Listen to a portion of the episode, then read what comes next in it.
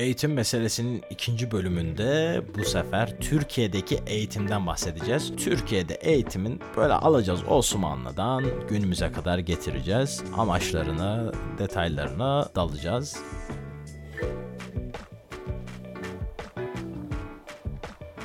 Merhabalar, ben Ahmet Polat. Yoldaki fikirlere hoş geldiniz.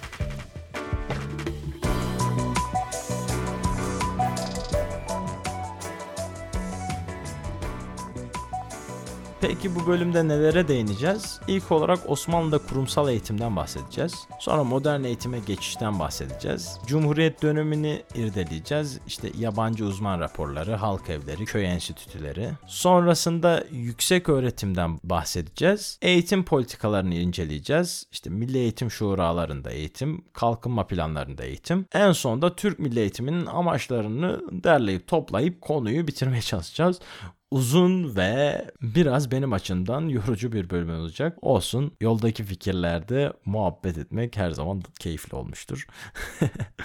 Muhabbetim ortak olduğunuz için şimdiden teşekkür ediyorum. O halde yoldaki fikirlerin bu bölümünde başlatalım. Malumunuz bizim bölümlerimizde sorularımız oluyor. Açılıştaki sorularımız. Bu bölümdeki genel sorularımız da şu. Modern eğitime geçiş aşamasında hangi kurumlar açılmıştır? Cumhuriyet döneminde eğitimde hangi köklü değişiklikler yapılmıştır? Yabancı uzmanların çağrılması Türkiye'deki eğitime nasıl bir katkısı olmuştur? Halk evlerinin kurulma amacı nedir? Köy enstitüsünün eğitimde nasıl bir rolü bulunur? Türkiye'de eğitim politikalarının oluşmasında etki eden mekanizmalar nelerdir? 5 yıllık kalkınma planının eğitime olan katkılarını açıklamaya çalışacağız. Türk milli eğitiminin amacı ve ilkeleri nelerdir onları açıklamaya çalışacağız.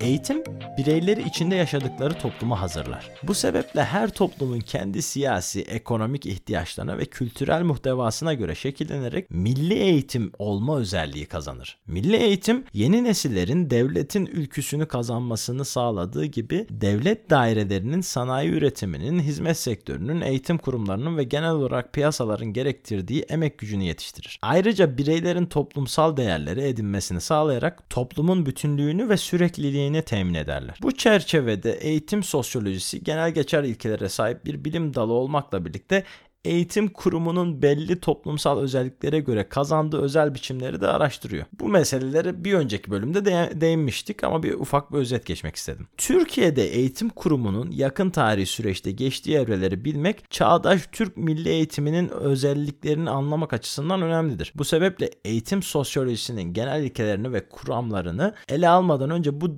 bölümde Türkiye'de kurumsal eğitimin geçtiği evrelerini ve çağdaş milli eğitimin amaçlarını alacağız. Osmanlı'da kurumsal eğitim Osmanlı'nın mirasçısı olduğu İslam düşünce geleneğinde eğitimi kurumsallaştıran fikri bir altyapı var. Bu düşünce geleneği eğitimi toplumsal bir sorumluluk olmasının ötesinde devletin bir görevi olarak konumluyor. Devletin eğitim sorumluluğuna dair fikri altyapıyı edebi bir tür olarak ortaya çıkan siyasetnamelerde takip etmek mümkün. Siyasetnamelerde devlet adamlarına ideal bir devlet örgütlenmesinin nasıl olacağını anlatıp onlara yöneticilik sanatına ilişkin bilgiler verirken eğitim esaslarını da açıklıyor. Farabi'nin Medine Fazla isimli eseri Nizamül Mülk'ün siyasetnamesi Yusuf Hasacı bin Kıtattu Gubuliki bu türün en önemli temsilcileri. Türk tarihinde eğitimin kurumsallaşma sürecini 10. yüzyıla kadar geri götürmek mümkün. İlkokul yapılanmaları medrese adı altında hukuk,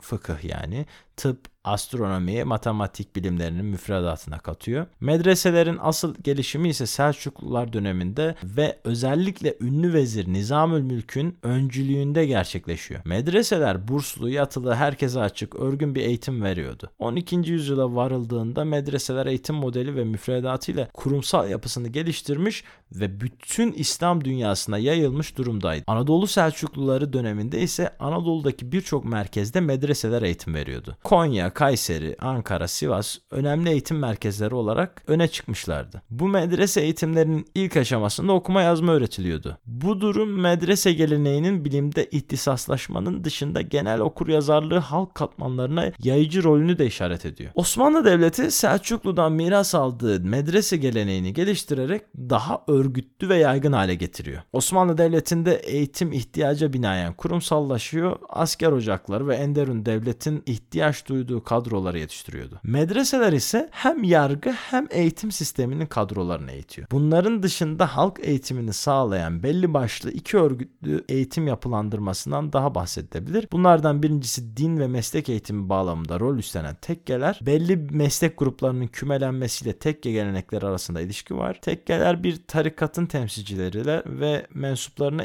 iş ahlakı, sağlıklı yaşam, müzik, sanat, edebiyat gibi alanlarda genel bir hayat bilgisi ve usulü öğretirken dini esaslar temelinde bir hayat tarzını da özümsetiyordu. Halk eğitimine yönelik diğer bir eğitim yapılanması da mahalle mektepleri. Mahalle mektepleri medreselerden önce eğitimin ilk basamağını oluşturuyordu. Mekteplerde 5-6 yaşlarında kız ve erkek öğrenciler okumayı öğreniyorlar ve Kur'an, ilmihal gibi temel İslami bilgileri ediniyorlardı. Mekteplerin masrafları sivil kanallardan karşılanıyordu. Osmanlı'da birçok sosyal hizmet gibi genel halk eğitiminde vakıf örgütlenmesiyle finanse ediliyordu. 19. yüzyılın başlarında 1824'te bu ilk eğitim öğretim basamağı da zorunlu hale getiriliyor. Evet biraz Osmanlı dönemini toparlamış olduk. Modern eğitim sürecine geçiş var tabii. Eğitimde modernleşme süreci Osmanlı Devleti'nin bürokratik örgütlenmesi ve yeni ekonomik ihtiyaçlara paralel olarak gelişimini sürdürmüş ve yaklaşık bir yüzyıllık birikimle şekillenen eğitim sistemi Cumhuriyete miras kalmış. Eğitimde modernleşme bilginin üretim ve aktarım mekanizmalarını değiştirmiş ve meslek edinme süreçleri dönüşme uğramıştı. Geleneksel dönemde orduda bir asker, tecrübeli paşa ve subayların yanında bir memur devlet dairelerinde tecrübeli bir bürokratın rahleyi tedrisatından geçerek zanaatkarlar ustalarıyla uygulama yaparak meslek bilgisini alırken modern okullaşmayla birlikte bilgi kitabi olmuş ve dersliklerde planlanmış müfredat ile öğrenilmeye başlanmıştır. Osmanlı Devleti 18. yüzyılın sonlarında Batı karşısında yaşadığı güç kaybına ilişkin geliştirdiği reform politikaları kapsamında orduyu ve donanmayı yeniden örgütlenme yoluna gitmişti. Bu yenilenme asker ve ordunun ihtiyaç duyduğu teknik kadronun yetiştirilme usullerini de değiştiriyor tabi. Bu sebeple batılı modern bilimin öğretildiği ilkokullar askeri okullar oluyor. 1775 yılında kurulan Mühendishane-i Bahri Berri-i Hümayun ve Mühendishane-i Berri-i Hümayun yani İmparatorluk Kara ve Deniz Mühendislikleri bu bağlamda zikredilecek ilk örnekler. Kurmay subay yetiştiren bu okullara 1834'te Mektebi Ulumu Harbiye katılıyor. 1827'de de Mektebi Tıbbiye-i Şahane ordunun ihtiyaç duyduğu tıbbi kadroyu yetiştirmek üzere kuruluyor. Yenilenme politikaları çerçevesinde devlet örgütü de modern usullerle düzenlenme yoluna gidiliyor ve devlet kadroları kadrolarında istihdam edilecek memurlara eğitim veren sivil okullar 1838 yılından itibaren açılmaya başlanıyor. 1900 yıllarında 1900 yılında daha doğrusu ilk üniversite olarak Darülfünun yani İstanbul Üniversitesi açılana kadar yüksek okullar açılmaya devam ediliyor. Öğretmenlik, hukuk, mühendislik, ziraat, maliye, güzel sanatlar, işte ticaret, dil, mimarlık, ebelik, veterinerlik gibi birçok alanda açılan yüksek okullar başta birkaç örnek vereyim sonra da diğerlerini atlamayayım diye hepsini saydım. Neyse bunlar gibi birçok yüksek okullar ve Avrupa'ya gönderilen öğrenciler gerek yeni açılan okullarda öğretmen olarak gerekse büyüyüp gelişen bürokratik organizasyonlarda uzman olarak istihdam ediliyorlar. E, modern okulların açılmaya başlamasıyla birlikte 1847'de Mekatiye Umumiye Nezareti tesis ediliyor. Bu nezaret 1857 yılında Marifi Umumiye Nezaret adını alıyor. 1869 yılında ilan edilen Marif Nizamnamesi ile de nezaret kurumlaşmış oluyor. Cumhuriyet dönemine Milli Eğitim Bakanlığı olarak miras kalan bu nezaret eğitimin kurumsallaşması açısından bir dönüm noktası olmuş. Eğitim kurumlarını bir çatı altında birbirini tamamlayan kurumlar haline getiren sistemi şekillendirmişti. 19. yüzyıl modern okullaşma süreci yüksek öğretimden başlamış, orta öğretim ve ilk öğretim kurumlarına doğru genişliyor tabi. 1845 yılında Harbiye'ye alınacak e, öğrencilerin temel eğitimi için askeri idadiler yani askeri liseler açılıyor. 1847 yılında ise sivil eğitim veren rüştiyeler yani orta öğretim, orta öğrenim kısmı açılmaya başlanıyor. Aynı yıllarda daha önce 1824'te zorunlu hale gelen e, ilk öğretim öğrenimine ilişkin de reformlar yapılıyor. Buna göre çocuklar 6 ile 10 yaşlar arasında mahalle mekteplerine devam edecekler ve sonra rüştiyelerde okuyacaklar. Bu sefer işi sıkı tutan yönetim çocuğunu okula göndermeyen aileleri kovuşturacağını ilan ediyor. İlk defa yani böyle bir zorunlu eğitim gibi eğitimi farklı yönden teşvik eden bir sistem uygulanıyor. Mahalle mekteplerinde eğitim 4 yıl, rüştiyelerde ise 2 yıl sürmekteydi. Yüksek öğrenim kurumlarından sonra orta öğrenim kurumlarının açılmasının en önemli sebebi yüksek öğrenime temel olabilecek eğitim almayan öğrencilerin üst kademe eğitimde başarılı olamamasıydı. Özellikle Avrupa'ya yüksek öğrenim için gönderilen öğrenciler üniversite eğitimine intibak sağlayamadıkları için önce kendilerinden yaşça küçük olan çocuklarla aynı sınıflarda temel eğitim almaya zorlanıyorlardı. Bu durum devlet burslusu olarak giden bu öğrencilerin yurt dışında kalma sürelerini hem uzatıyor hem de uyumlarını zorlaştırıyordu neticede. Bunun üzerine yüksek öğrenimine başlamadan önce öğrencilerin yabancı dili ve temel bilimleri öğrenecekleri sivil liselerin açılması kararı alınıyor. İlk örnekler işte 1867'de açılan Galatasaray Lisesi ve 1873'te eğitime başlayan Darüşşafaka. İkinci Abdülhamit döneminde okullaşmaya ve eğitimde kurumsallaşmaya devam ediliyor. 1900 yılında devlet çapında 29.130 mahalle mektebi var. Bu okullara kayıtlı yaklaşık 900 bin öğrenci eğitim görüyor. 1906 ile 1907 eğitim öğretim yılında 25'i askeri olmak üzere 619 rüştiye ve bunlarda okuyan 40 bin civarında öğrenci bulunuyor. Bu okullara öğretmen yetiştirmek üzere Darül Mualliminlerin yani öğretmen okullarının sayısı 31'e çıkarılıyor. Bu dönemde mülkiye ve hukuk mektebinin yanı sıra mesleki eğitim veren yüksek okullar da açılmış ve en önemlisi modern bir üniversite yani Darülfünun eğitime başlamış. Bu kurumsal gelişmelerle birlikte ikinci meşrutiyet döneminde eğitimde reform tartışmaları gündeme gelmiş. Eğitim sistemine ilişkin düşünsel üretimin canlandığı bir entelektüel kamuoyu oluşmuş. Meşrutiyet dönemi fikri canlılığı Cumhuriyet döneminin eğitim politikalarında da yol gösterici nitelik taşıyor. 19. yüzyılın başlarında girişilen modernleşme sürecinde yol alındıkça yüzyılın sonunda eğitim hem modernleşmenin konusu olarak düzenlenen bir alan hem de modernleşmenin kadrolarını yetiştirme ve bilgisini üretme bağlamında bir araç haline geliyor. Bu bağlamda ulus devletleşme olma yönünde yol kat etmiş ve milli bir kalkınma ekonomisinin ortaya çıkması için düzenlemeler yapılmaya başlanıyor. Buna paralel olarak eğitim iktisadi kalkınmanın bilgisini üretme ve kadrolarını yetiştirme rolünü üstlendiği bir değişim yaşıyor.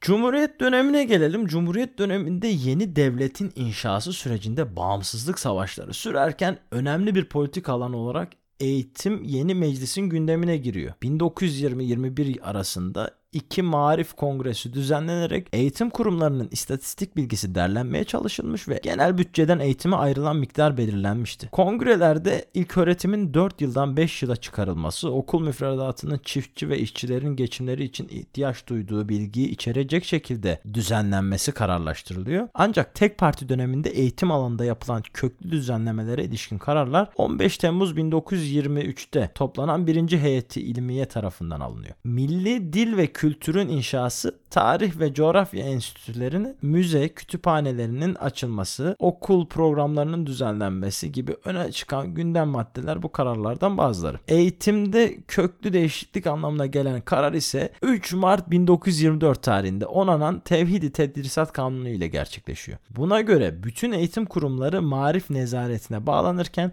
medreseler kapatılıyordu ve din eğitimi için Darülfünun'da ilahiyat şubesi açılıyordu. Din hizmetleri görevlerini yerine getirecek memurların yetiştirilmesi için de ayrı okulların açılacağı haber veriliyordu. Böylece 1924 ile 1934 yılları arasında tamamlanan Atatürk inkılaplarının eğitim boyutu hayata geçirilmeye başlanıyor. İkinci de önemli aşama ise 1928'de yapılan harf devrimi. Cumhuriyet ideolojilerinin yansıması olarak eğitim laik, milli yani Türkçü ve çağdaş bir karakter kazanıyor. İsmet Paşa'nın 1925'te Muallimler Birliği'nde yaptığı konuşmaya göre milli marif dini terbiye ya da beynelmilel eğitimin zıttıydı. Yani böyle tanımlıyorlar. O dönem İsmet Paşa milli marifin dini terbiye ya da işte uluslararası eğitimin zıttı olduğunu biz kendimiz kendimize eğiteceğimizi gibi bir e, yaklaşım içerisindeler. Mustafa Necati Bey'in Milli Eğitim Bakanlığı yaptığı yıllarda 1925 ile 29 yıllar arası bunlar. Bakanlığın yayınladığı genelge de Cumhuriyet marifinin ilkelerini şu şekilde açıklıyor. Direkt okuyorum. Türkiye'de herkesin milli ve dünyevi, modern ve demokratik bir terbiye alması esastır. Eğitimin milli olmasından maksat gençleri yaşayan bütün kurumları, düşünce ve idealleriyle milli topluma uydurmaktır. Dünyevi kelimesinden hedeflenen anlam eğitimin layık olması, düşünceyi daraltan ve vicdan özgürlüğünü kıran her türlü dini etkiden uzak bulunmaktır.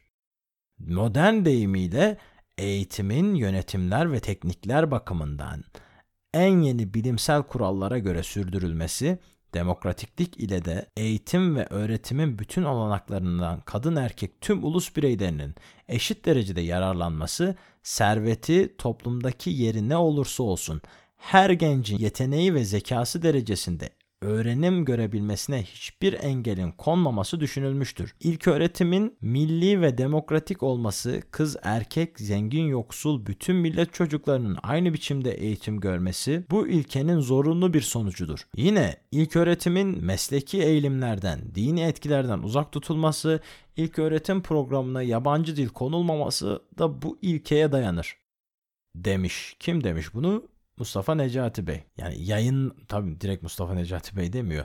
Bu bakanlığın yayınladığı genelgede Cumhuriyet Marifinin ilkeleri bu şekilde diziliyor. Hazırlanan reformlarda milli eğitime kazandırılan felsefi ve ideolojik yönün 11 Kasım 1928 tarihinde hazırlanan Milli Mektebi Teşkilatı'na dair talimatname ile ulusal bir uygulama alanına ulaştırılmak amaçlanıyor. Böylece yeni harflerle eğitim kitlesel bir boyut kazanıyor ve bu halk eğitimi öncelikli politik haline geliyor. Savaş yıllarından yeni çıkmış ve nitelikli nüfusun çoğunu savaşta kaybetmiş ve kalan nüfusun %80'inden fazlasının köylerde yaşadığı bir ülkede kalkınma ve ilerleme hedefi için halk eğitimi zorunlu görünüyordu. Bu çerçevede 15-45 yaş aralığında okula gitmemiş kadın, erkek bütün vatandaşlar millet mektebinin öğrencisi sayılıyor. Okullar, köy odaları, kahvehaneler, hükümet konakları ve camiler millet mekteplerinin doğal sınıfları sayılıyordu. Valiler, kaymakamlar, okul müdürleri, memurlar halk eğitimin kitleselleşmesi için sorumluluk alıyorlar. Millet mekteplerinin dışında halk eğitimi yürütme amacıyla 1930'lu yıllarda köy eğitim kursları, halk okuma kurs odaları, e, işte akşam sanat ve akşam ticaret okulları, e, halk evleri, gibi yerler açılıyor. Bu teşkilatlarda öncelikli olarak öğretmenler ve sonra bütün memurlar eğitmen olarak görev alıyorlar. Amaçları işte cumhuriyet kültürünü yaymak ve okuma yazma oranını arttırmak. Bu eğitmenler köyde köylüyle birlikte yaşamaları ve köylülerin tüm sorunlarıyla ilgilenerek yeni devletin ideolojik motivasyonlarını köylülere kazandırmaları hedefleniyor. Köy eğitim kurslarıyla halk eğitimi için gerekli öğretmen kadrosunun bulunmayışı ve mevcut kadronun da köylerde uzun süre ikamet edemeyişi sorunlarını çözüm bulmak isteniyor. Ayrıca Cumhuriyet kültürünü ve okuma yazmayı öğrenme dışında köylüye tarım ve hayvancılık işlerinde kılavuzluk yapmaları da sağlanarak bu yeni öğretmen kadrosuyla hem eğitim hem kalkınma hedeflerine ulaşılmak isteniyor. Bu amaçla askerlik yapan çavuşlar Tarım ve Eğitim Bakanlıklarınca eğitmen olarak yetiştiriliyor ve bunların köylerine giderek kendi hemşerilerine öğrendiklerini aktarmaları ve uygulamalı olarak ziraat tekniklerini göstermeleri sağlanıyor. Tabi bütün bu süreç sağlanırken herhangi bir farklılık işte o İsmet İnönü'nün bahsettiği hem dini hem de beynelmilel yani uluslararası dünyaya açılmış bir şekilde olan her türlü müdahale eğitimsel olarak veya da fikirsel olarak müdahale tehdit olarak görülüyor ve engelleniyor. Bu işte meşhur şey vardır ya harf inkılabıyla bir gecede cahil bırakıldık meseleleri. Onların detaylarına girip tartışmalı konularda gereksiz zaman kaybetme istemiyorum. O meselelerin konuşulması, birilerinin yargılanması ne kadar doğru orası bence tartışılması gereken kısım orası yani. Boş yerlerde zaman harcıyoruz. Neticede bunlar yapılmış. Bilinmesi de lazım. Evet Cumhuriyet dönemindeki o heyecan, o yeniden kalkma şeyi tüm ulusa yayılmaya çalışılıyor, aşılanmaya çalışılıyor. E tabi her aşının da yan etkileri olabiliyor. Bunu, bunda da yan etkiler olarak işte etkenler, işte din ve uluslararası fikirler engel olarak görülmüş, yan etki olarak görülmüş. Onlardan uzak durulmaya tehdit olarak görüldüğü için onların olabildiğince engellenmesi hedeflenmiş. Neticede salt bir şekilde Türkçülük üzerine işte Atatürk inkılapları üzerine bir eğitim planı yapılmış. Ve bu hızla bütün ülkeye yayılmış. Tabi devlet eliyle yayılıyor. Devlet devletin bu görevlendirmeleri vesilesiyle yayılıyor. Evet buralarda dediğim gibi yorum yapıp gereksiz duraksamalara girişmeyeceğim. Bizim derdimiz Türkiye'deki eğitim sistemi nasıl oluşuyor? Bir onu bir derleyip toparlayalım. Bir de yabancı uzman raporları meselesi var. Bir kurumun açılışında ya da yeniden yapılanmasında yabancı uzmanları ülkeye çağırarak onlardan yardım isteme ve incelemeleri sonucunda hazırladıkları raporlardan faydalanma uygulaması Cumhuriyet döneminde başlamadı. Bu Osmanlı Devleti'nin 18. yüzyıldan beri özellikle ordu reformlarında ve modern okulların yapılanmasında yabancı uzmanları getirerek onların görüşlerinden faydalandığı zamanla başlıyor. Tazminattan sonra ise bu uygulama yerleşik hale geliyor. Cumhuriyet döneminde Avrupa ülkelerinin yanı sıra Amerika Birleşik Devletleri'nden de uzmanlar çağrılıyor ve Türk eğitim sisteminin durumuna, neler yapılabileceğine dair bu uzmanların görüşlerine başvuruluyor. 1924 ile 1960 yılları arasında aralıklarla Türkiye'ye 123 yabancı eğitim uzmanı geliyor. 1923 ile 1950 yıllar arasında en fazla Almanya, Almanya'dan 14, Belçika'dan 14 ve Fransa'dan 13 uzman geliyor. En fazla bu ülkelerden getirmişiz. 1950 ile 1960 yıllar arasında gelen uzmanların neredeyse hepsi Amerikalı. Bu durumda şüphesiz bu dönemde Amerika'nın uluslararası gücünün artması ve Türkiye'nin NATO'ya kabul edilmesinin etkisi var. Eğitim reformu yapıldıktan sonra en fazla uzmanın geldiği yıllar 1927 ve 1929 yılları. Bu uzmanların kendi uzmanlık alanlarına ilişkin raporlar isteniyor. İşlerinden sadece John Dewey Türk eğitim sisteminin bütünlüğünü inceliyor. Columbia Üniversitesi öğretim üyesi olan John Dewey 1924 yılında Eğitim Bakanlığı'nın daveti üzerine gelmiş Türkiye'de yaklaşık 2 ay kalmış. İstanbul ve Ankara'da yaptığı incelemelerin ardından memleketine dönmeden önce bakanlığa sunduğu rapor daha çok eğitim bütçesine ilişkin ve bu bütçeye eklenmesini önerdiği ödeneklerle ilgili. Asıl raporunu ise 1939 yılında Türkiye marifi hakkında rapor başlığıyla bütçeye dair raporunu da ekleyerek ekleyerek yayınlıyor. Deve Türkiye Cumhuriyeti'nin demokratik bir ilerlemenin meydana gelebilmesi için hem teşkilat yapılanmasına hem uygulamalara ilişkin öneriler geliştirmiş. Bu önerilerden belki de en önemlisi bakanlığın düşünceleriyle merkeziyetçi uygulamalarda ademi merkeziyetçi olması gerektiğine dair tespit. Bu önerisinde Amerika'da eyalet yapılanmasından hareket eden Dewey, bakanlığın tek düzelik yerine çeşitlilik içinde birliği destekleyen politik bir tavra sahip olması gerektiğinin altını çiziyor. Bu çeşitlilik vurgusunun altında sanayi kalkınmasının gerekleri olduğu ardından getirdiği önerilerde de anlaşılıyor. Çünkü deveye göre eğitim programları bölgenin sanayi yeteneklerine ve çevre imkanlarına göre şekillenmeli. Bunun gerçekleşebilmesi için eğitim kurumlarının yönetimi mümkün oldukça yerel yönetimlere bırakılmalı. Okulların ülkenin kalkınmasında rol alabilmesi için diğer bir önerisi Tarım ve Ticaret Bakanlıkları ile eşgüdümlü çalışmaları. Böylece bölgenin tarım ve ticaret alanındaki gelişmeleri ve ihtiyaçları okulların eğitim programlarına yansıtılabilecek ve gerekli nitelikli kadro oluşturulabilecek. Yine bu alanda gerekli bilgi okullar sayesinde topluma yayılabilecek. Devey, Türk eğitim sisteminin uluslararası bağlarının kurulmasının kaliteyi arttıracağını düşünüyor. Bunun için öğretmen ve öğrenciler belli eğitimler için yurt dışına gönderilmeli. Ayrıca önemli metinler tercüme edilerek eğitimcilerin ve öğrencilerin uluslararası bağlantısı sağlanmış olacak. Devey, öğretmenlerin yetiştirilme koşulları üzerinde de duruyor. Maaşlarının arttırılmasından, tayin koşullarına kadar birçok konuyu ele alarak öneriler geliştiriyor. Okul müdürlerinin ve eğitim denetmenlerinin yetiştirilmesi için öğretmen okullarına özel bir müfredat eklenmesini savunuyor. Bunlara ek olarak yeni ders yönetmelerinin deneneceğini e, araçların geliştirilebileceği ve araştırma projelerinin yürütüleceği bir deneyim okulunun da açılmasını söylüyor. Devey'in özellikle teşkilat yapılanmasına ilişkin geliştirdiği önerilerinin birçoğunun Mustafa Necati'nin bakanlığı sırasında hayata geçirildiği gözlemleniyor. Evet bir de halk evleri meselesi var. 1932 ile 1951 yıllar arasındaki halk evleri Cumhuriyet kültürünün ve inkılaplarının halka anlatılması ve özümsetilmesi amacını güden halk evleri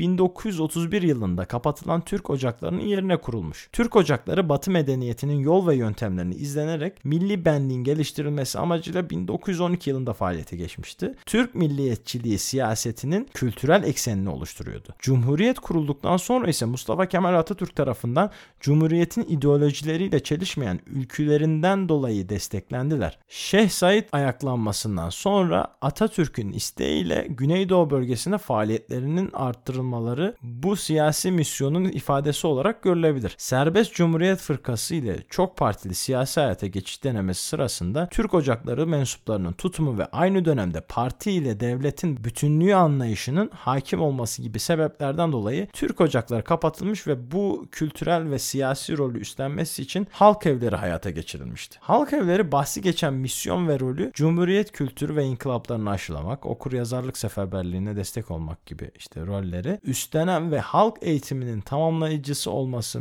maksadıyla yaygın eğitim veren kurumlardı. Ekonomik kalkınma için halka eğitmenin yeterli olmayacağı, onları kültürel olarak da geliştirmek gerektiği fikrinden hareket edildi. Halk evleri bir yasaya istinaden kurulmadı. CHP tarafından hazırlanan halk evleri talimatnameleri ile yürütüldü. 9 eğitim şubeleri vardı. Dil, tarih ve edebiyat, güzel sanatlar, halk dershaneleri ve kursları, köycülük, kütüphane ve yayın, müze ve sergiler, sosyal yardım, spor, temsil sanatları. Halk evleri köylerdeki kollarına halk odaları dendi e, köylerde sergiler düzenleyerek, oyunlar oynayarak Cumhuriyet'in yeniliklerini halka tanıtıyordu. Ayrıca halk evleri tarım ve sağlıkla ilgili köylüleri bilgilendirmekle sorumluydu. Halk evleri bünyesinde açılan kütüphaneler insanların kitaplarla buluştuğu mekanlar oldular. Bu kütüphanelerde ayrıca günlük gazete ve dergileri okumak da mümkündü. Ancak bütün çabalara rağmen halk evleri köylerin tarım kalkınmasını kolaylaştıran uygulamaları hayata geçiremediği ve bütün gayretini köylerin dış görünümünü değiştirmeye sarf ettiği yönü yönünde eleştirilmişti. Köy enstitüleri e, Hasan Ali Yücel'in Eğitim Bakanlığı görevine geldiği eğitim sisteminin genel durumunu tespit çalışmalarıyla başlatıldı. Bu 1940 ile 1946 yıllar arasında oluyor. Buna göre erkek nüfusunun %23.3'ü, kadın nüfusunun ise sadece %8'i okur yazardı. Resmi rakamlara göre şehir ve kasabalarda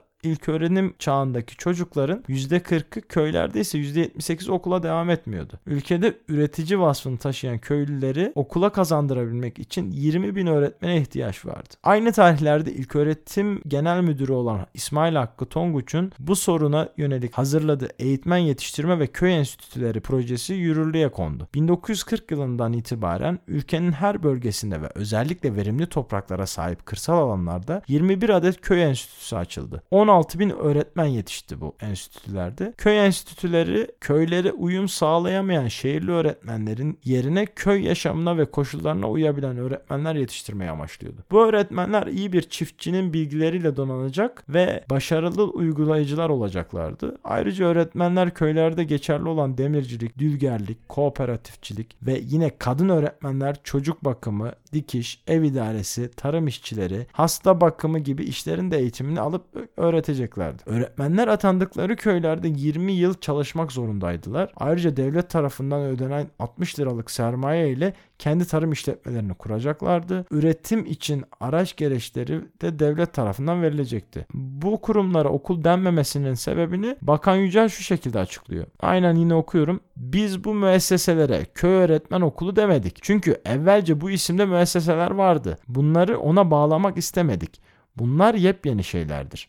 Biz köy enstitüsünü sadece işlerinde nazari tedrisat yapılan bir müessese olarak almadık. İçerisinde ziraat sanatları, demircilik, basit marangozluk gibi ameli bir takım faaliyetlerde bulunduğu için okul adıyla anmadık. Enstitütü diye isimlendirmeyi muafık gördük. Köy enstitülerinin içinde Hasanoğlan Köy Enstitüsü özel bir yerde. Ankara Kayseri Demiryolu üzerinde bulunan bu kurum diğerlerinden farklı olarak içinde enstitülerin öğretmenlerini yetiştiren bir Yüksek Köy Enstitüsü'nü de barındırıyor. Bu enstitü özel bir öğretmen yetiştirme programına sahip ve dönemin yetkin profesörlerinin derslere girdiği zengin bir müfredatla eğitim vermişti. Bu enstitüye köy enstitüsü mezunları alınmış ve başarılı olanlar enstitü öğretmeni olurken başarılı olamayanlar köylere uygulayıcı öğretmen olarak gönderiliyor. Köy enstitüleri kuruluşlarından itibaren eleştiri odağı olmuş ve Demokrat Parti iktidarıyla birlikte de kapatılıyor. Bu eleştirilerin başında öğretmenlere verilen geniş yetkiler vardı. O dönem denmiş ki hatta muallimlere o kadar salahiyet veriliyor ki hekim, hakim, yargıç, mürşit hepsi. Öğretmen içtimai işe bakacak, bu işe bakacak fakat mektepte ne vakit çalışacak deniliyor o zamanlar işte. Meclisteki tartışmada enstitülere sadece köylü çocukların alınması başka bir eleştiriydi. Gelişmemiş birçok kent merkezinin kurumlardan faydalanması savunulmuştu. Ayrıca enstitülerin köy şehir arasında derin bir ayrım ve karşıtlık oluşturduğunu düşünenler de mevcuttu tabi. Yine sanayileşme hedefinin yerine bu hamleyle köylüleşmenin konulduğu yönündeki eleştiri uzun süre dillendiriliyor. Enstitülerde kız erkek öğrencilerin karma olması ve aynı üniformayı giymeleri başka bir eleştirinin konusuydu. Din düşmanlığı ve komünizm propagandası yapıldığı iddiası da kapatılmasının meşru sebebi sayıldı zaten. Velhasıl oradaki tartışmalar hala günümüze kadar devam ediyor ve su götürü çok su götürmüş.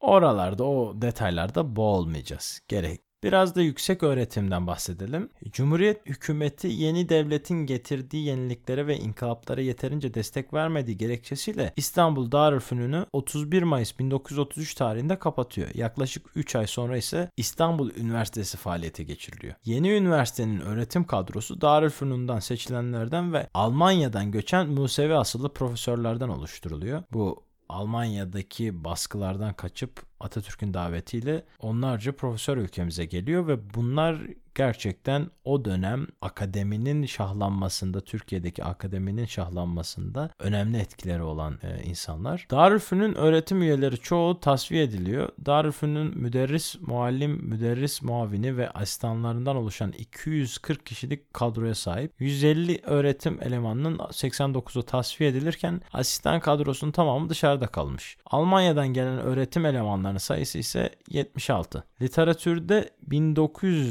1933'te üniversite reformu olarak geçen bu düzenlemeyle üniversitenin özelliği kaldırılmış ve rektör, dekan, fakülte gibi kavramlar kullanılmaya başlanmış. İkinci Dünya Savaşı sonrasında dünyada ve Türkiye'de değişim yaşanmış, demokrasi rüzgarı esmeye başlamış ve Türkiye'de çok partili siyasi hayata geçiliyor. Dönemin Eğitim Bakanı Hasan Ali Yücel çağın ruhunu yakalamak adına Almanya'dan gelen profesörlerden Ernst Hirsch, Sıddık Sami Onar ve Tevfik Sağlam'ın da içinde bulunduğu bir komisyon oluşturmuş. Bu komisyona 1946 yılında üniversiteler yasasını hazırlatmıştı. Hirsch'in ifadesiyle üniversitelerle fakülteler bu rüzgara göre ilk yelken açmaya hazır kurumlar olmuşlar. Hazırlanan yasayla hem üniversite hem fakülteler tüzel kişilik olarak kabul edilmiş ve idari ve bilimsel özellikler tanınmış. Bu yasayla aynı zamanda çok üniversiteli döneme geçilmiş ve Ankara Üniversitesi kurulmuş. 1935-1940 yıllar arasında Türkiye'deki üniversite öğrencisi sayısı 3000 ile 4000 arasında bir rakama erişiyor. 27 Mayıs 1960 askeri darbesi üniversite için dönüm noktası oluyor. Ardından hazırlanan anayasa üniversite ile ilişkili maddeler konuluyor. Yeni anayasaya göre üniversite özel kuruluş olarak kabul edilirken iktisadi, sosyal ve kültürel kalkınma plana bağlanıyor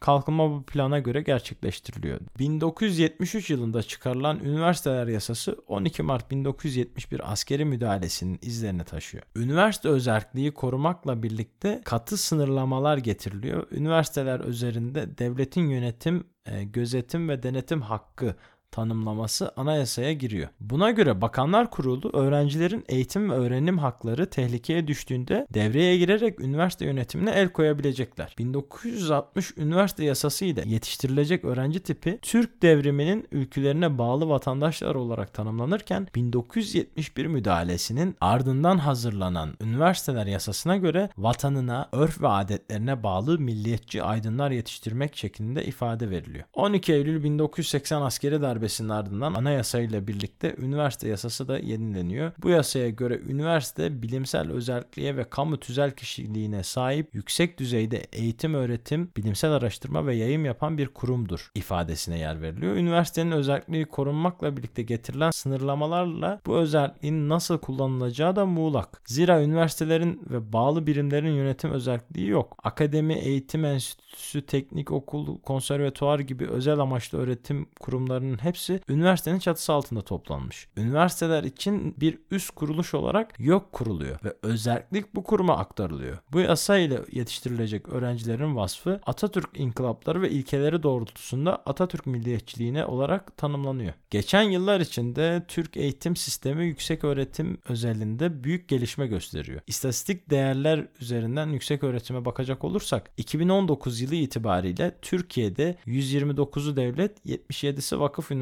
olmak üzere 206 üniversite bulunuyor. Bu nicel artışa rağmen üniversitelerin kalitesi tartışılmakta hala. 2018 yılı itibariyle yüksek öğretime yüz yüze eğitim için kayıt yaptıran öğrenci sayısı 810 bin. Türkiye'de toplam öğrenci sayısı ise 7 milyon 741 18-22 yaş arası net okullaşma oranı %46 olarak ölçülüyor. Kadınların okullaşma oranı erkeklerden daha yüksek bu arada. Bu da ilginç bir istatistik. Buna rağmen OECD ülkelerinde yüksek öğretim mezunu oranı %38 iken bu oran Türkiye'de %20'de kalmış. Bu oran Türkiye'nin hızlı bir artış göstermesine rağmen gençlerin yüksek öğretime yeterli erişim imkanı sunamadığını da gösteriyor bir yandan. Eğitim politikalarına gelecek olursak Türkiye'de eğitim politikalarının oluşmasını etkileyen iki önemli mekanizma mevcut. Bunlar 5 yıllık kalkınma planları ve milli eğitim şuraları. Elbette hükümet programlarının ve bakanlıkların da eğitim politikalarının oluşturulmasında önemli etkileri var. Ancak bu iki mekanizma bizim yıllar içinde Türkiye'de eğitim politikalarının nasıl geliştiğini ve eğitim gündemlerinin nasıl oluştuğunu izlememiz bakımından önem kazanıyor. Ayrıca devletin eğitim öğretim faaliyetlerindeki rolünü ve işlevini anlamak için bu mekanizmalar bir bakıma bir tık daha önemli. 5 yıllık kalkınma planları 1960 yılında Devlet Planlama Teşkilatı'nın kurulmasıyla 1963 yılından itibaren her 5 yılda bir olmak üzere 10 adet hazırlanmış. Kapsamlı kalkınma planı olmakla birlikte bu metinlerin eğitim bölümleri bizim açımızdan eğitim politikaları bağlamında önemli. Milli Eğitim Şurası devletin eğitim öğretim politikalarını, ilkelerini, programlarını ve stratejilerini belirlemek amacıyla Milli Eğitim Bakanlığı bünyesinde oluşturulan bir danışma organı. 1921-1926 yılları arasında 3 kez bir araya gelen ve eğitim politikalarını belirleyen heyet ilmiye toplantılarından sonra bu uygulama 1939 yılında daha doğrusu 1939 yılından itibaren şura olarak devam ediyor. 1939 yılından günümüze kadar 19 adet şura toplanmış ve eğitim politikalarına dair Milli Eğitim Bakanlığı'na öneriler üretmişler. Evet o zaman Milli Eğitim Şuralarındaki eğitimi biraz inceleyelim. Milli Eğitim Şuralarının kararlarını incelediklerinde 18 temanın öne çıktığını tespit edilmiş. Yıllar içinde bu temaların ne kadar ağırlık kazandı ve vurgulanma düzeyine göre sıralandığında şöyle 10 madde sayacağım. 1 Şuralarda en çok vurgulanan tema öğretmenler. Bu temada en çok öğretmen yetiştirme, öğretmen yeterlilikleri ve nitelikleri, öğretmen atama ve istihdamı ve özlük hakları bağlamları ele alınıyor. İkinci olarak eğitim ve öğretim müfredat programları en çok orta öğrenim müfredatına ilişkin düzenlemeler önerilirken ikinci sırayı yüksek öğrenim alıyor ve bunu sırayla okul öncesiyle yaygın eğitim de takip ediyor. Üçüncü olarak okulların öğrenim süreleri bu bağlamda lise ve mesleki eğitim ilk ve orta öğretimin süreleri değerlendiriliyor. Ders ve sınıf geçme sistemi de bu bağlamda ele alınıyor. 4 okul öncesi eğitim, 5 yüksek öğretim, 6 eğitim yöneticileri, 7 rehberlik, 8 yaygın eğitim, 9 mesleki ve teknik eğitim, 10 da ders kitapları ve öğretim materyalleri. Bunların ardından şuralarda en çok konu edilen temalar sırasıyla din ve ahlak eğitimi, Türkçe öğretimi, özel eğitim, teknoloji eğitimi, bilim, sanat ve spor, işte tarih öğretimi ve milli şuur, okul bir güvenliği ve sağlığı, değerler eğitimi, bu son başlık vatandaşlık ve demokrasi eğitimini de içeriyor bu arada. Of yoruldum be. bu biraz notları ve hazırlığımı takip edeyim derken evet biraz uzadı mesele ama meseleyi biraz genel çerçevesiyle bilmemiz gerekiyor. Eğitim nasıl oturdu? Nasıl bir eğitim gördük? Biz bu eğitimin nereden şekillendi? Herkes eğitim sistemi şöyle olmalı, böyle olmalı diye fikir söylüyor ama bu, bu şeklin bugünkü haline nasıl geldi onu bilmiyoruz yani. Sorsan bilmez kimse. Bunun öğrenilmesinin gerekli olduğunu düşünüyorum. O yüzden eğitim meselesini bayağı köklü ele aldım. Çok ciddi bir şekilde ele almış olduk. Kalkınma planlarında eğitimi biraz inceleyelim. Birinci 5 yıllık kalkınma planı 1963 ile 1967 yıllar arasının önerdiği eğitim politikaları kapsamında eğitimin bireysel kazanımlarının yanı sıra kalkınma hedeflerinin altı çiziliyor. Bu doğrultuda teknik eğitime önem verilmesi, nitelikli elemanların yetiştirilmesinin amacı hatırlatılıyor. Orta öğretim çağındaki gençlerin çoğunun teknik ve mesleki eğitime yöneltilmesi gerektiği vurgulanıyor. Eğitim hedeflerine ulaşmak için öncelikli hedefin öğretmen kalitesini arttırmak olduğu diğer bir uyarı. Bu çerçevede birinci kalkınma planının önerdiği eğitim politikalarının dört maddede özetleyelim. 1. İşsizlik meselesini çözmek için nitelikli eleman yetiştirmek. Bu her zamanın sorunu zaten. 2. Çalışanların mesleki seviyesini yükseltmek, bunun için hem teknik ve meslek eğitimi teşvik hem de sanayi birimlerinin eğitimi devam ettirebilmek. Üçüncü olarak da her basamakta yeterliliğe dayanan bir çalışma politikasıyla yetişenleri yerinde kullanmak ve sağlam bir sosyal hareketlilik oluşturmak. Dördüncü olarak da çalışan nüfusun çeşitli meslek gruplarının bölünüşündeki dengesizlikleri ortadan kaldırmak ve daha dengeli bir dağılış sağlamak. Orta kademe eğitimin yüksek eğitime geçiş için olduğunu söyledik zaten. Mesleki yetkinliklere ulaşabilmek için herkesin eğitime erişim yollarının açık olması gerekmekte. Bu yüzden maddi imkanları zayıf olan kesimden başarılı olan öğrencilere burs imkanlarının arttırılması gerekmekte. Bunu ilk 5 e, yıllık kalkınma planında vurgulanan şeyleri söylüyorum. İkinci 5 yıllık kalkınma planında bu da 1968 ile 1972 yıllarındaki plan. Eğitim doğrudan ekonomik gelişmede insan unsuru başlığının altında e, yer alıyor. Birinci plandaki eğitim tanımlaması burada tekrarlanırken fırsat eşitliği vurgusu devam ediyor. Bu bağlamda öğrenme güçlüğü yaşayan öğrenciler için özel eğitimler önerilerek fırsat eşitliği politikasının kapsamı geliştiriliyor. Yaygın eğitimle ilgili olarak birinci planda vurgulanan sanayi birimlerinde eğitim ikinci planda da daha ayrıntılı ele alınmış. Hizmet içi eğitimlerle iş dünyasının niteliğini arttırması hedefi dile getirilmiş. Üçüncü 5 yıllık kalkınma planında bu da 1973-77 arasında farklı olarak fırsat eşitliğinin kapsamı daha fazla açımlanıyor. Dördüncü 5 yıllık kalkınma planı bütün bunlardan ilk 3 yıldan farklı olarak öğretmen yetiştiren okulların eksiklikleri ele alınıyor. İlk öğretimden başlayarak öğrencilere araç ve gereç kırtasiye malzemesi desteğinin sağlanması öneriliyor. Yüksek öğretimin öğretim üyesi sayısının ve kalitesinin arttırılması için doktora programlarının gerçekleştirilmesi gerekmektedir diye söyleniyor öğreniyor. Öğrencilerin teorik derslerin dışında uygulamalı bir eğitim görmeleri ve eğitimin yaşam boyu eğitim anlayışına göre düzenlenmesi isteniyor. 5. 5 yıllık kalkınma planında bütün dördünden farklı olarak istihdamın arttırılması için 15 ile 64 yaş arası nüfusun yaygın eğitim ve hizmet için eğitimle mesleki becerilerin arttırılması amaçlanıyor.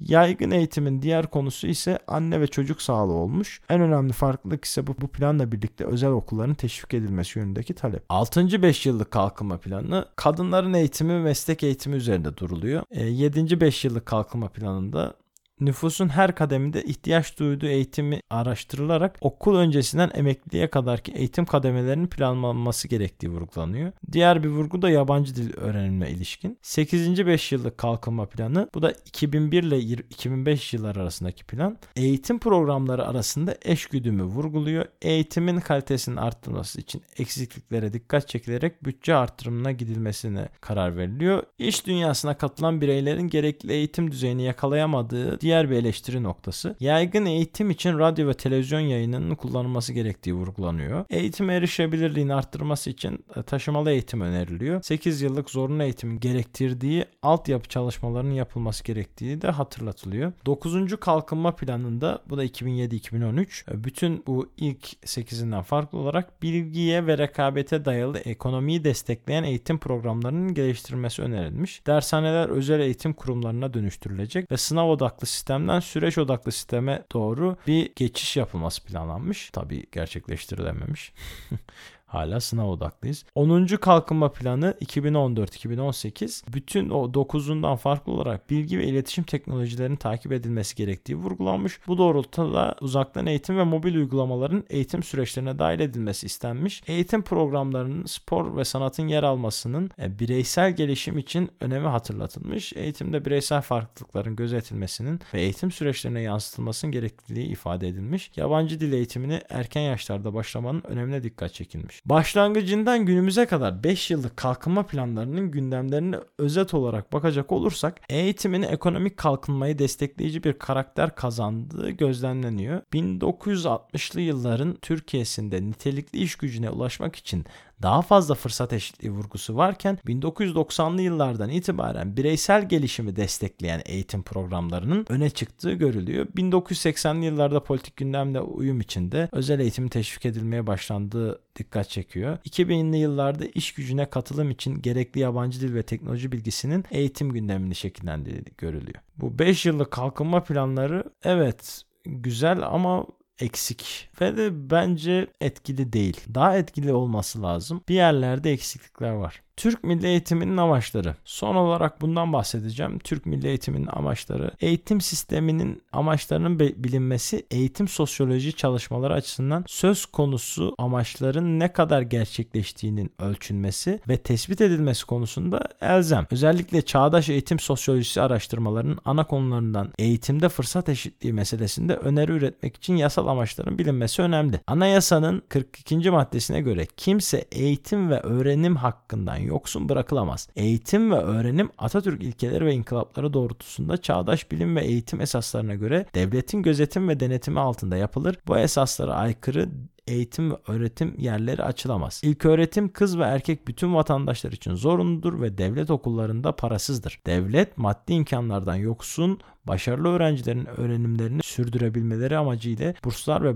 başka yollarla gerekli yardımları yapar. Devlet durumları sebebiyle özel eğitime ihtiyacı olanları topluma yararlı kılacak tedbirleri alır. Milli Eğitim Temel Kanunu'na göre Türk milli eğitiminin amaçları şu şekilde açıklanıyor. Türk milletinin bütün fertlerini Atatürk inkılap ve ilkelerine ve anayasada ifadesi bulunan Atatürk milliyetçiliğine bağlı Türk milletinin milli ahlaki, insani, manevi ve kültürel değerlerini benimseyen, koruyan ve geliştiren, ailesini, vatanını, milletini seven ve daima yüceltmeye çalışan, insan haklarına ve in- anayasanın başlangıcındaki temel ilkelere dayanan demokratik, layık ve sosyal bir hukuk devleti olan Türkiye Cumhuriyeti'ne karşı görev ve sorumluluklarını bilen ve bunları davranış haline getirmiş yurttaşlar olarak yetiştirmek. 2. Beden, zihin, ahlak, ruh ve duygu bakımından dengeli ve sağlıklı şekilde gelişmiş bir kişiliğe ve karaktere, hür ve bilimsel düşünme gücüne, geniş bir dünya görüşüne sahip, insan haklarına saygılı, kişilik ve teşebbüse değer veren, toplumlara karşı sorumluluk duyan, yapıcı, yaratıcı ve verimli kişiler olarak yetiştirmek. 3. İlgi, istidat ve kabiliyetlerini geliştirerek gerekli bilgi, beceri, davranışlar ve birlikte iş görme alışkanlığı kazandırmak suretiyle hayata hazırlamak ve onların kendilerini mutlu kılacak ve toplumun mutluluğuna katkıda bulunacak bir meslek sahibi olmalarını sağlamak. Böylece bir yandan Türk vatandaşlarının ve Türk toplumunun refah ve mutluluğunu arttırmak, öte yandan milli birlik ve bütünlük içinde iktisadi, sosyal ve kültürel kalkınmayı desteklemek ve hızlandırmak ve nihayet Türk milletini çağdaş uygarlığın yapıcı, yaratıcı, seçkin bir ortağı yapmaktır. Özel amaçlar Türk eğitim ve öğretim sistemi bu genel amaçları gerçekleştirecek şekilde düzenlenir ve çeşitli derece ve türdeki eğitim kurumlarının özel amaçları, genel amaçları ve aşağıdaki sıralanan temel ilkelere uygun olarak tespit edilir. Bunu sıralamışlar. Türk milli eğitiminin temel ilkeleri. 1. Genellik ve eşitlik. 2. Ferdin ve toplumun ihtiyaçları. 3. Yöneltme. 4 eğitim hakkı, 5 fırsat ve imkan eşitliği, 6 süreklilik, 7 Atatürk inkılap ve ilkeleri ve Atatürk milliyetçiliği, 8 demokrasi eğitimi, 9 laiklik, 10 bilimsellik, 11 planlılık, 12 karma eğitim, 13 eğitim kampüsleri ve okul ile ailenin işbirliği, 14 her yerde eğitim diye sıralanmış. Evet, bütünüyle bu bölümde neler öğrendik bir özetleyelim. Türkiye'de modern eğitimin doğuşunu 19. yüzyılın başına kadar götürmek mümkün. Modern eğitim kurumlarının faaliyete geçiş hikayesi devletin politik ve ekonomik modernleşme çabalarıyla paralel yürüdü. Bu sebeple yüksek öğrenimle başlayan modern eğitim kurumlarının inşa süreci alt kademelerle devam etmiş. Osmanlı döneminde ilk çabaları görülen halk eğitimi anlayışının öncelikli devlet politikası haline gelmesi ise Cumhuriyet döneminde gerçekleşmiş. Bu bağlamda yeni devletin politik ve ekonomik hedefleri doğrultusunda yeni okul türleri ve eğitim anlayışı şekillenmiş. Özeti bu. evet dediğim gibi uzun bir bölüm olacaktı.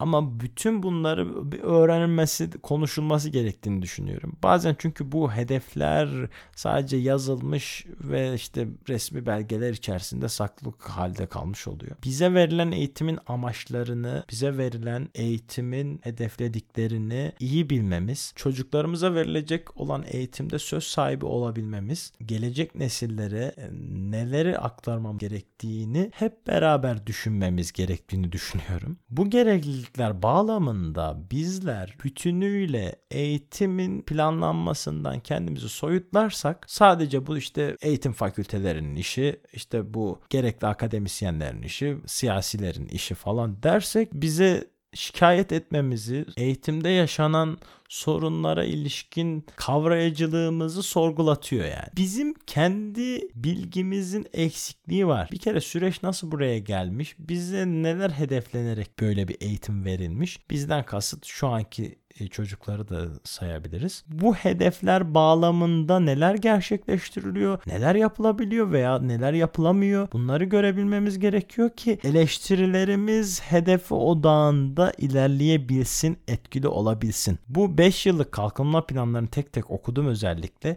Bu 5 yıllık kalkınma planları sizce ne kadar etkili olmuş? Ne kadar etkili olabiliyor? 5 yıllık olması ne kadar doğru? Avrupa'da 50 yıllık, 10 yıllık, 20 yıllık, 50 yıllık şeklinde farklı versiyonları var. Ama biz eğitimimize ne kadar önem veriyoruz? Eğitim ülkelerin ekonomik menfaatlerini yerine getirebilme odağında şekilleniyor genel olarak. Bunu görüyoruz. Günümüzdeki eğitim sistemine dair eleştirilerimi de bir sonraki bölümde bu bölümü daha da fazla uzatmamak için bir sonraki bölümde dillendirmek istiyorum. Önerilerim olacak. Onları şekillendirmek adına bir sonraki bölümde haftaya görüşmemiz gerektiğini düşünüyorum. Yoldaki fikirler bugün uzun bir bölümüyle, uzun bir yolculukla yanınızdaydı. Beni kulaklarınızda misafir ettiğiniz için çok teşekkür ederim. Bir sonraki bölümde görüşmek üzere. Hoşçakalın, selametle kalın.